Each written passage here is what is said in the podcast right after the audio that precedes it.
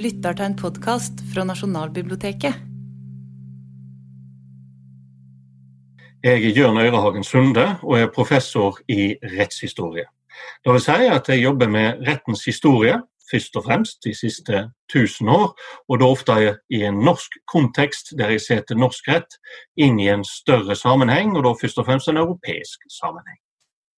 Jeg skal i dag snakke om Guds fire døtre, eller Guds skjønne døtre som er tittelen på et essay som Sigrid Undset ga ut i 1947. Og Det som jeg har sett meg som mål i dette foredraget, er å si noe om hvor fikk Sigrid Undset kunnskap om Guds fire døtre ifra? Hvor kom denne mellomalderallegorien ifra, som kom til å sette sitt preg på Norge? Og hvordan forandra den Norge i mellomalderen? Guds skjønne døtre det er kanskje en term som dere kjenner, for det er nemlig navnet på publikumsbygget på museet og kultursenteret Bjerkebekk. Dette var jo i sin tid heimen til Sigrid Undset, og der har han altså et publikumssenter som er oppkalt etter dette essayet som Sigrid Undset skrev og publiserte 22.12.1947. Essayet var opprinnelig skrevet mens Sigrid Undset var i eksil i USA mellom 1940 og 1945. Og Temaet for essayet er jo en blanding av mellomalder og mellomalderhistorie, samtidig som da, som mye av Sigrid Undsets diktning, har òg en brodd mot vår egen samtid. Dette med Guds skjønne døtre det var noe Sigrid Undset kjente fra Kongsspeilen, eller Konungs skuggsjå, som den heter på norrønt. Det er et danningsverk som ble skrevet i Norge om lag midt på 1200-tallet, og som Sigrid Undset har brukt ganske mye som bakgrunn for sin mellomalderkunnskap, som hun presenterer i de kjente bøkene sine, som f.eks. triologien om Kristin Lavransdatter.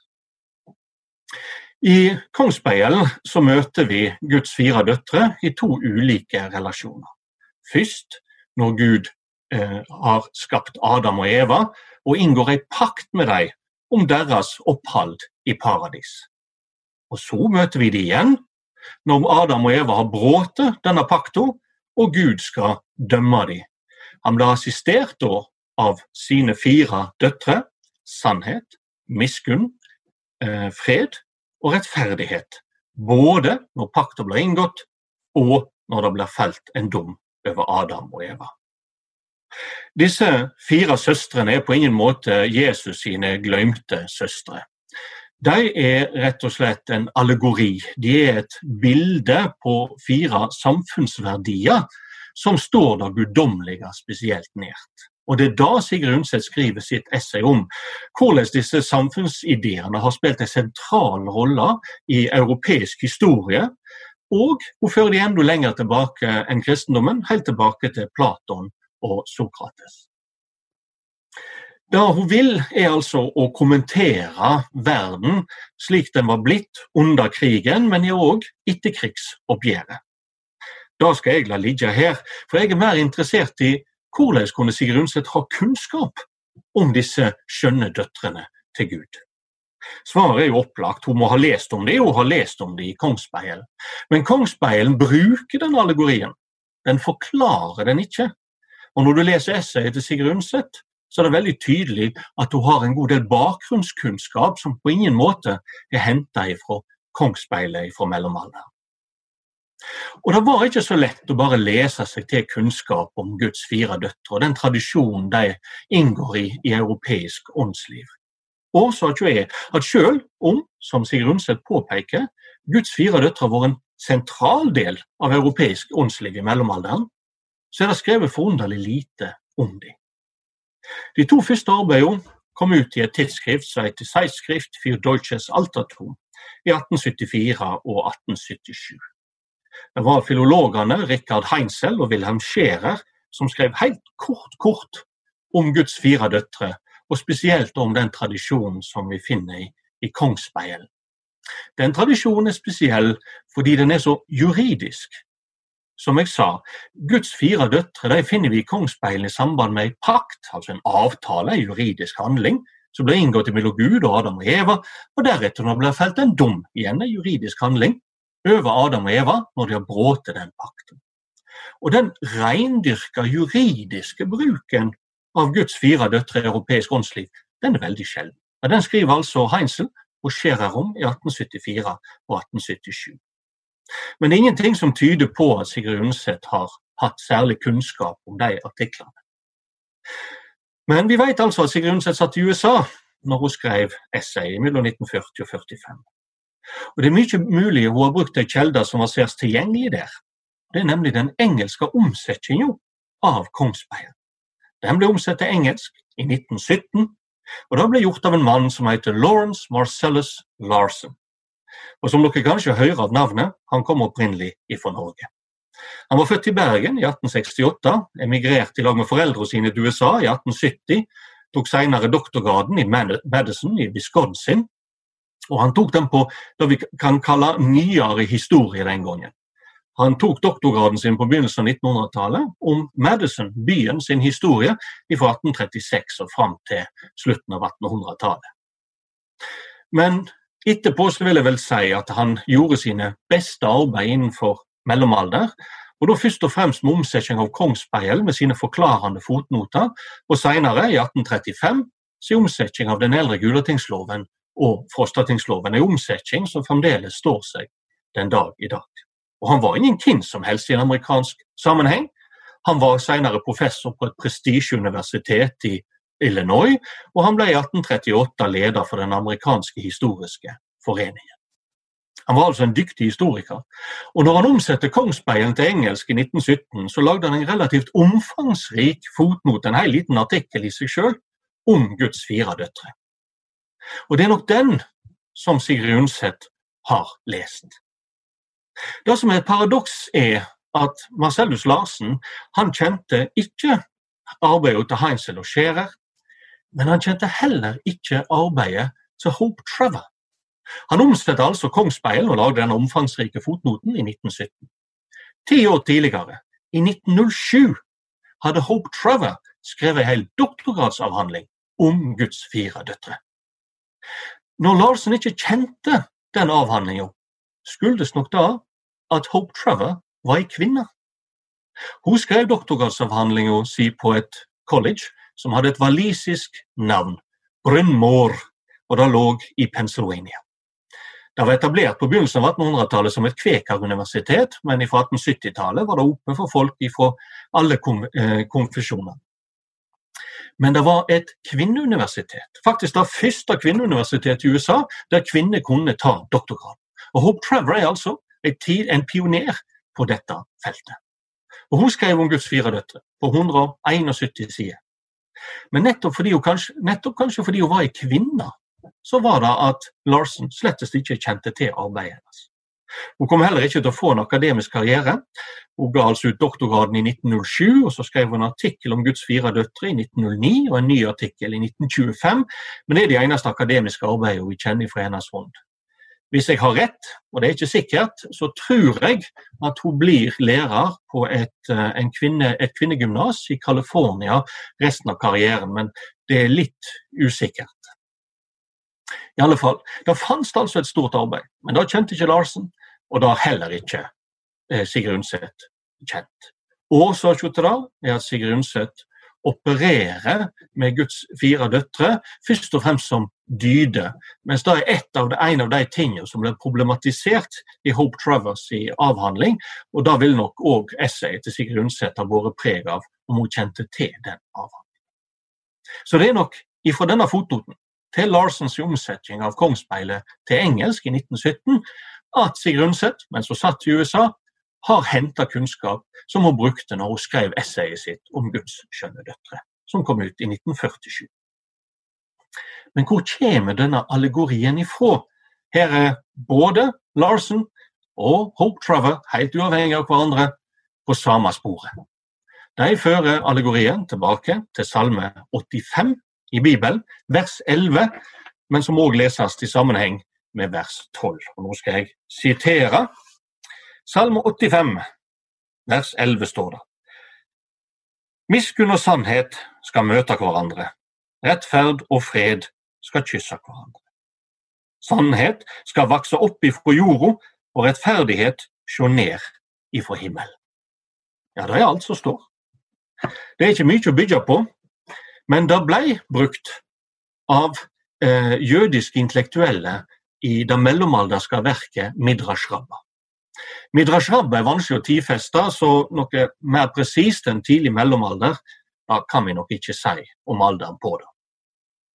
Men da tar en disse enkle to versene fra Salme 85 og bygger ut til en fortelling. Fortellinga begynner med at Gud, når han skal skape mennesker, diskuterer dette med englene sine. Og englene de deler seg i to grupper. Du har englene representert ved sannhet og rettferdighet, som protesterer og sier at han må ikke skape mennesker, mennesker kommer til å handle feil. Og Så har vi en annen gruppe eh, engler representert ved miskunn og fred, som sier at eh, Gud må skape mennesker og gi det en sjanse. Disse to gruppene nærmest slåss, slik det er beskrevet i Midrash Rabba. Og Hele konflikten ender rett og slett med at Gud tar sannhet og kaster sannhet ned til jorda. Og på jorda så tar han med seg miskunn opp til himmelen, og rettferdighet kikker ned på dem. Egentlig handler altså Midrash Rabba og den utbroderingen utbroderinga som skjer der, først og fremst om vers 12, altså helt slutten på det som jeg leser for dere, i veldig liten grad vers 11. Og så skal en òg merke seg at i Midrash Rabba er det ikke snakk om at disse er døtre av Gud eller søstre. De er engler og representanter for to fraksjoner av englene som krangler omkring Gud skal skape menneske eller ei. Dette var altså en del av den jødiske religionen. Men rundt Middelhavet på 1011- og 1200-tallet skjer det et veldig fruktbart møte mellom jødedom, islam og kristendom. Og Intellektuelle fra alle disse tre religionene møter hverandre, lærer av hverandre og bruker hverandre sitt materiale. På mange måter så er den moderne europeiske staten, i den grad vi kan føre den helt tilbake til 1100-tallet, født nettopp i dette religiøse og kulturelle møtet mellom jødendom, eh, islam og kristendom. Og noen av de eller en av de europeiske intellektuelle som hadde kontakt med jødiske intellektuelle og brukte materiale for den jødiske tradisjonen inn i den kristne tradisjonen, da er Victor, unnskyld, Hugo av Sant Victor. Sant Victor var et kloster som ble etablert utenfor Paris helt på begynnelsen av 1100-tallet. I dag vil en ha sagt at klosteret ligger inne i Paris, men det er fordi Paris som by har ekspandert så voldsomt. Klosteret ble veldig fort en helt sentral lærestad i Europa. Og Hugo av St. Victor han var eh, eh, ja, leder for den skolen som fantes ved klosteret fra 1133 til sin død i 1141. Og I løpet av den perioden så skrev han flere preiker der han brukte allegorien om Guds fire døtre, men da ifra tradisjon etter Midrash Rabbah. I Hugo av St. Victor sine skrifter, eller i hans preike, så er det ikke snakk om engler, slik som i Midrash Rabba, men det er snakk om fire dyder. Altså sannhet, miskunn, fred og rettferdighet. Disse fire dydene spiller ikke, eller alle spiller ikke en rolle hos Hugo av St. Victor. Det er først og fremst sannhet og miskunn. For når Adam og Eva har brutt pakta med Gud, og Gud reiser til jorda for å dømme dem, så tar han med seg sannhet, og bare sannhet. Men på jorda så møter han miskunn. Og miskunn forsvarer Adam og Eva, sannhet anklager de. Og det hele ender med at Gud tar sannhet og setter den inn i menneskets hjerte, så mennesket skal vite hva som er sant i framtida, mens han tar med seg eh, miskunn opp til himmelen, og rettferdighet kikker ned på dem. Altså Igjen så ser vi at dette ligger tett opp til vers 12 i Salme 85, og vi ser at dette bygger i stor grad på Midrash Rabba, bare at her er det ikke snakk om å skape mennesket, men det er snakk om selve dommen når mennesket har brutt pakta med Gud. Som sagt så kan vi ikke tidfeste disse preikene eksakt, men de er skrevne før Hugo St. Victor dør i 1141. Året før så har en, ifra det året har en et skrift av Bernard av Clairvaux, der han òg bruker allegorien om Guds fire døtre i sine preiker. Og nå har det skjedd en endring. I Midrash Rabba var de engler, hos Hugo av Sankt Viktor var de dyde, de ble søstre og døtre av Gud hos Bernhard av Clairvaux. Han forteller om hvordan en, når en skulle dømme Gud, så uh, Unnskyld, dømme mennesket, og Gud skulle dømme mennesket, så hadde en sannhet og rettferdighet, begge to, som to tvillinger søstre og tvillinger, som Bernhard av Klavå skriver, som anklager mennesket. Og så har vi miskunn, og så har vi fred, som er òg søstre og tvillinger, som forsvarer mennesket. Disse nærest slåss, slik som i Midrash Rabba, men så kommer Jesus og forener de, og så får en en harmonisk dom over mennesket til slutt. Dette, hører dere, minner ganske mye om det som vi finner i Kongsbeil. Og Det gjorde at professor i teologi, Einar Molland, i 1972 konkluderte med at historien, slik vi finner den i Kongsspeilet, den stammer fra preikene til Bernhard av Klavor. Eh, Molland skrev dette i en artikkel utgitt i Frankrike i det året. Le quatre filles de Dieu dans la miroir royal Norwegian, som den ble kalt. Den ble utgitt på norsk første gang i 1974. Og Dette er ikke en unaturlig konklusjon, fordi historien etter som slik den ble brukt av Bernhard av Clavaux, den kom til å danne skole i Europa. Og De to store skolene er nettopp tradisjonen etter Hugo av St. Victor og tradisjonen etter Bernhard av Clavaux. Men spørsmålet er om det er en annen tradisjon som kommer til Norge. Da tror iallfall jeg. Når Hope Trevor skrev sin doktorgrad på Bryn Mawr i Pennsylvania om Guds fire døtre, så var det først og fremst tradisjonen til Hugo St. Victor og Bernard Clavaux fokuserte på, og så tok hun med òg en rad andre tradisjoner, mindre viktige, som fantes i Europa. Og Så disputerte hun, og så ble doktorgraden gitt ut. Men den ble òg senere gitt ut i Toronto. Og da hadde hun oppdaga en ny tradisjon. Den var etter Petrus Comestor, eller egentlig heter han Pierre la Mangeur. Han hadde vært en ungkannik i St. Victor-kloster utenfor Paris på begynnelsen av 1100-tallet.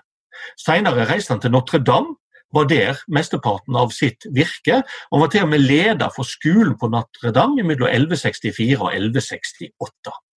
Og I 1171 avslutta han sitt virke i Notre-Dame og ga ut et stort intellektuelt verk, Historia Scholastica, som var rett og slett et bibeltolkingsverk som var kjent over hele Europa. Og Vi fant til og med et eksemplar av det i erkebispegården på Nidaros, men det er mye senere eksemplar, det er først fra 1400-tallet. Petrus Comestor, når han hadde gitt ut Historia Scholastica, så trakk han seg tilbake til klosteret der han hadde vært en ung kannik, nemlig St. Viktor-kloster. Og Det er i den perioden, mellom 1171, når han kommer tilbake til St. Viktor-klosteret, og 1178, når han dør, at han skriver iallfall to preiker der han bruker Guds fire døtre. De to preikene de handler om at Guds fire døtre, han beskriver de som døtre av Gud primært, de bistår Gud når han inngår i pakt med Adam og Eva, og deretter når han dømmer Adam og Eva for å ha brutt pakta. Altså helt likt med kongsbeien. Han kaller vi som sagt døtre helt av Gud, helt likt med kongsbeien. Og så kommer det siste. De fire søstrene slåss ikke. De er ikke uenige, de framfører ulike argument, men sammen så utgjør de en harmonisk helhet. Og det er ikke Jesus som kommer inn i bildet og harmoniserer de. De er harmoniske i utgangspunktet, nettopp slik som de er i Salme 85, vers 11. Altså, han legger større vekt på vers 11 enn noen av de andre, og det er akkurat da Kongsbeil òg gjør. Og da spørs det om det ikke er denne ubetydelige tradisjonen i en europeisk kontekst, som er den som blir transportert til Norge og til slutt havner i Kongsberg. Men hvordan er det mulig, når du har to dominerende tradisjoner til eh, Hugo av St. Victor og Bernhard av Clairvaux? Det kan nesten bare være mulig dersom noen har vært i St. Victor-klosteret, møtt Petrus Comesto og tatt med seg hjem til Norge ei eller begge disse to preikene. Hvem kan det ha vært? Som sagt, St. Viktor-klosteret var en dominerende lærestad i Europa på 1100-tallet. Alle tre erkebispene i Norge, fra 1157 til 1214, var en kortere eller lengre periode på St. Viktor-klosteret. Kortest var eh, erkebiskop Øystein, den store dominerende erkebiskopen på, på midten og første, siste halvdel av 1100-tallet. Han var det bare i 1161. Han nærmest reiste forbi, oppholdt seg der en periode og reiste videre. Deretter så er det Eirik og Tore, som begge er i St. Viktor-klosteret i en lengre periode som unge kanniker.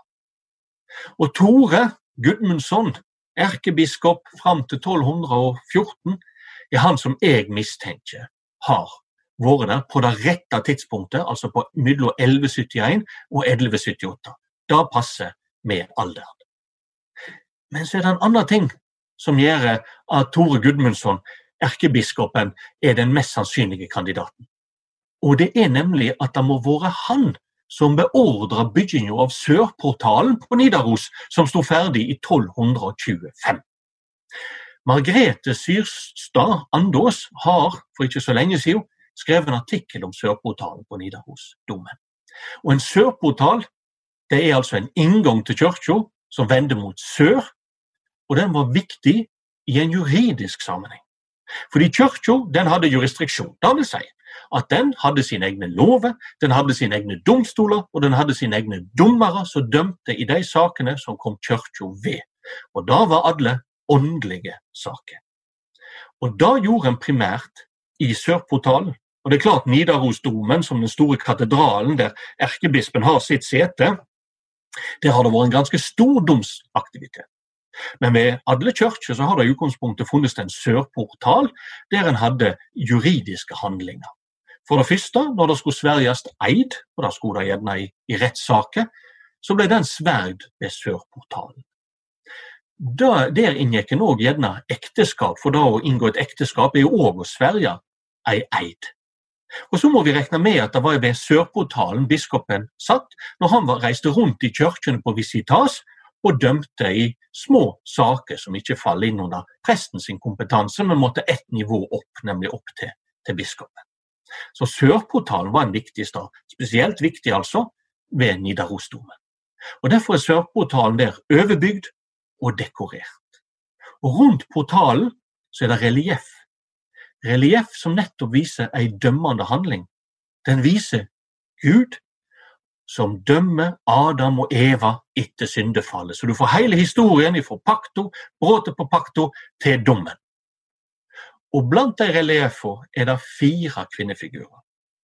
De er så utslitne at det er ikke råd å identifisere hvem de er, men Andås tror at dette er Guds fire døtre. Og det stemmer med resten av relieffo, som nettopp forteller historien slik Petrus Comestor gjorde det.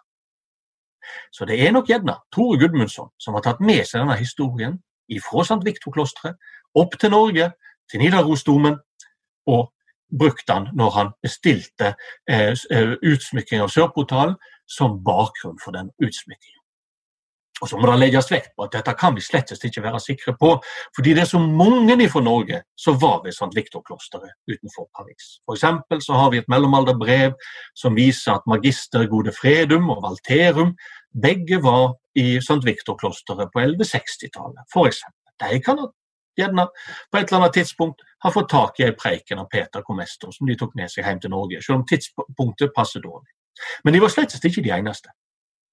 Han som var biskop i St. Viktor-klosteret mellom 1161 og 1170.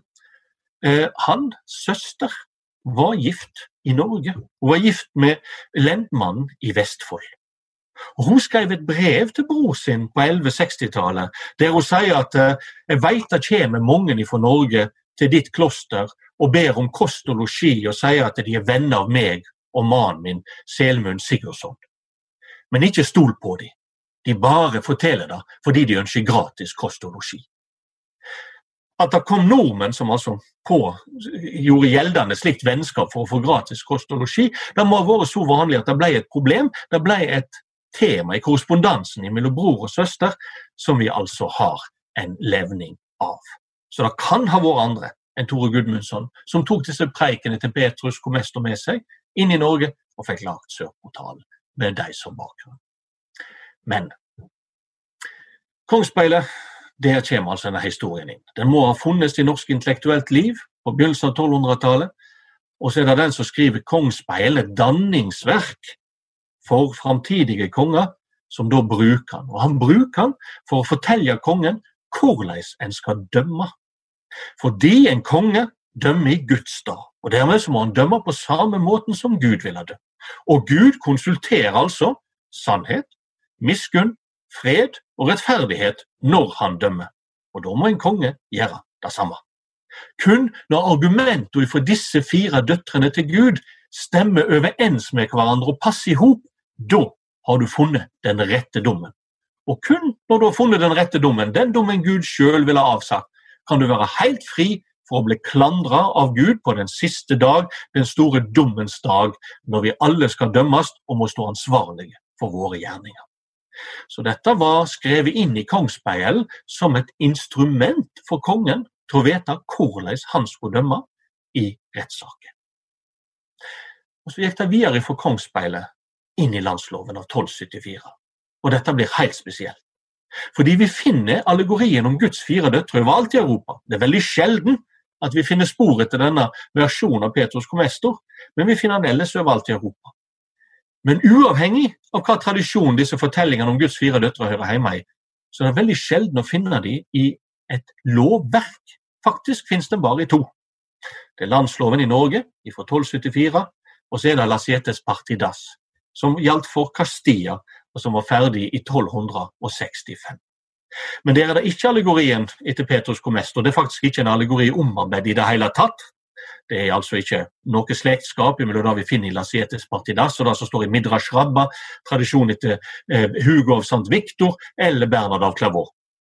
Det som står i Lasietes Partidas, det er rett og slett en direkte henvisning til Salme 85 og en gjengjeving av det som står der i vers 11. Men det finner vi altså der, og vi finner tradisjon i Norge. Noe slektskap, forbindelse her, det er vanskelig å tenke seg, selv om det er mulig. så det er vanskelig å tenke seg. Det vi skal huske på er at Castilla i dagens Spania var nettopp et kjerneområde for møtet mellom islam, jødedom og kristendom. Og han som lagde Lasietes Partidas, Alfonso 10., var kjent for nettopp å bruke kunnskap fra den arabiske og den jødiske kulturen inn i sin bygging av den kastilianske staten. Så dette er nok rett og slett henta mer direkte inn fra en jødisk tradisjon, og ikke har gått veien om europeisk omarbeiding, slik som den norske versjonen.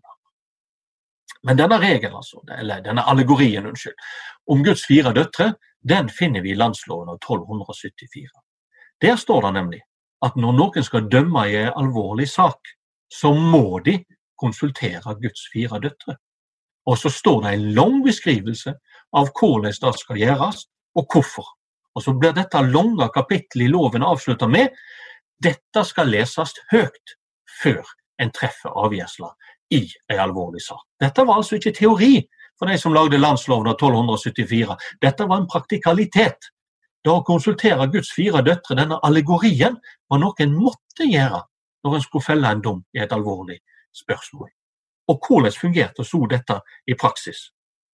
Men la oss ta en regel fra landsloven som fordrer at du konsulterer Guds fire døtre. Etter landsloven, så hvis du tar opp et lån, så må det betales tilbake. Hvis du ikke betaler tilbake gjelda di, så begår du et ran. Men dersom du er utsatt for ei ulykke, og så nevner landsloven to eksempel Det ene er at du blir utsatt for et skred, et ras, og det andre er at skipet ditt går på grunn og sykker med lasta si. Ja, hvis du blir utsatt for en ulykke som gjør at du ikke kan betale gjelda di, da får du betalingsutsettelse til Gud setter deg i stand til å betale gjelda. Og så slutter regelen. Så da er jo spørsmålet når setter Gud deg i stand til å betale gjelda di? Vel, da skal en altså lese høyt kapitlet om alle dommer, der det blir sagt at dommeren skal konsultere Guds fire døtre sannhet, miskunn, fred og rettferdighet. Og da får en gjøre det. Hva sier sannhet? Sannhet er opptatt av hva som faktisk har skjedd. Jo, Det som har skjedd, er at du har inngått en avtale. Du har lovt innen en viss dato å betale tilbake det lånet du har tatt opp, og da er du nødt til å gjøre det, vil sannhet si. Da vil miskunn komme inn og si at ja, men da er en avtale inngått før de uheldige omstendighetene. En hadde jo aldri sett den datoen hvis en visste hva som skulle skje, nemlig at et ras eller et skipsforlis frarøver deg formuen. Så vil rettferdighet komme inn og si da at men uansett så vil, kan du ikke føre hele tapet over på kreditor. Han har lånt ut penger og har krav på å få de tilbake. Har da òg forpliktelser som han er nødt til å, å, opp, eh, å holde. Og hvis han ikke får tilbakebetalt lånet sitt, så får kreditor problem. Da vil fred komme inn og sier da at eh, klart at lånet skal betales til kreditor, men det kan bare gjøres når de primære pliktene først er overholdt. Og de primære pliktene er å fø sin familie. Straks eh, eh, debitor, altså skyldneren, kan fø sin familie, så skal han begynne å betale tilbake lånet sitt. Da er alle fire søstrene hørt. Argumentene deres blir passa i hop, og du har fått et svar på spørsmålet ditt. Når skuldneren kan betale, kan, uh, unnskyld, før familien sin, skal han begynne å betale tilbake lånet. Da er når Gud har sett han i stand til å gjøre det. Slik ser vi at denne allegorien om Guds fire døtre den er ikke bare teori, den var en rent praktisk, juridisk framgangsmåte når en skulle dømme i viktige saker. Og det er den, på den måten den blir behandla av Sigrid Undset. Hun kunne altså ikke kjenne til denne lange historien om Midrash Rabba, Hugo av St. Victor, Bernard av Clavaux og Petrus Comester. Noe av dette kjente hun til gjennom fotnoten til eh, Lawrence Marcellus Larsen. Men ikke hele denne historien, for den ble først utdypa av Hope Trevor. Og hennes doktorgrad var tydeligvis ikke kjent særlig i samtida. Det er Einar Molland som i 1972 først og fremst løfter den fram.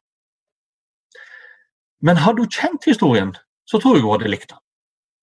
Essayet om Guds skjønne døtre eh, det er skrevet eh, eller gitt ut i lag med en rad andre essay, og et av de heter 'Tysk og norsk'. Unnskyld, norsk og tysk, uten at det spiller så stor rolle. Da hun tar et oppgjør med dere, denne ideen som tyskerne hadde om den urgermanske, rene germanske kulturen som du fant i Norge. Sigurd Undset sier at norsk kultur den er i sammenblanding. En har tatt kulturelement fra der en hadde følt et behov for det, blanda det sammen. Og det er den sammenblanda kulturen som er den egentlige norske kulturen. Og har du visst at historien hun skrev om i det neste essayet, om Guds skjønne døtre, den var henta inn fra en jødisk tradisjon, gikk gjennom en europeisk intellektuell omarbeiding, primært i Frankrike, før den kom til Norge og ble brukt i en juridisk kontekst. Eh, på samme måte som den faktisk ble brukt i Castilla i Spania, ja, så tror jeg hun hadde syntes det var utrolig utmerka og passet helt inn med den ideen hun hadde om norsk kultur. Så hun kjente altså Sigrid Undset. Historien om Guds skjønne døtre fra en fotnote til Larsen i hans eh, omsetning av Kongsspeilen i 1917. Eh, og jeg har nå prøvd å vise hvordan denne eh, allegorien kom hele veien fra en jødisk tradisjon og inn i det norske, og hvordan den faktisk ble brukt i dømmende virksomhet i Norge, og på den måten var med å forandre Norge på den måten som Sigrid Undset så på som et ideal. Nemlig der du både er streng og mild på ei og samme tid. Slik kom allegorien til å forandre Norge og vår oppfatning av rettferdighet. Tusen takk for meg. Det, altså, man kan jo ikke oppdage en sånn historie uten å bli litt sånn i Se og Hør-modus, selvfølgelig. Dette er pikant. Rett på! I samlingene til Nasjonalbiblioteket så finnes det spor etter et helt hav av dunkle drama og glemte liv fra Norges historie. I podkasten Gamle greier så skal jeg, Askild Matre Aasarød, fra det lille studioet midt i kjelleren under Nasjonalbiblioteket i Oslo, nøste opp de her mysteriene. Det er en voldsom kjærlighetshistorie, rett og slett. Abonner på Gamle greier gjennom den podkasttjenesten du bruker.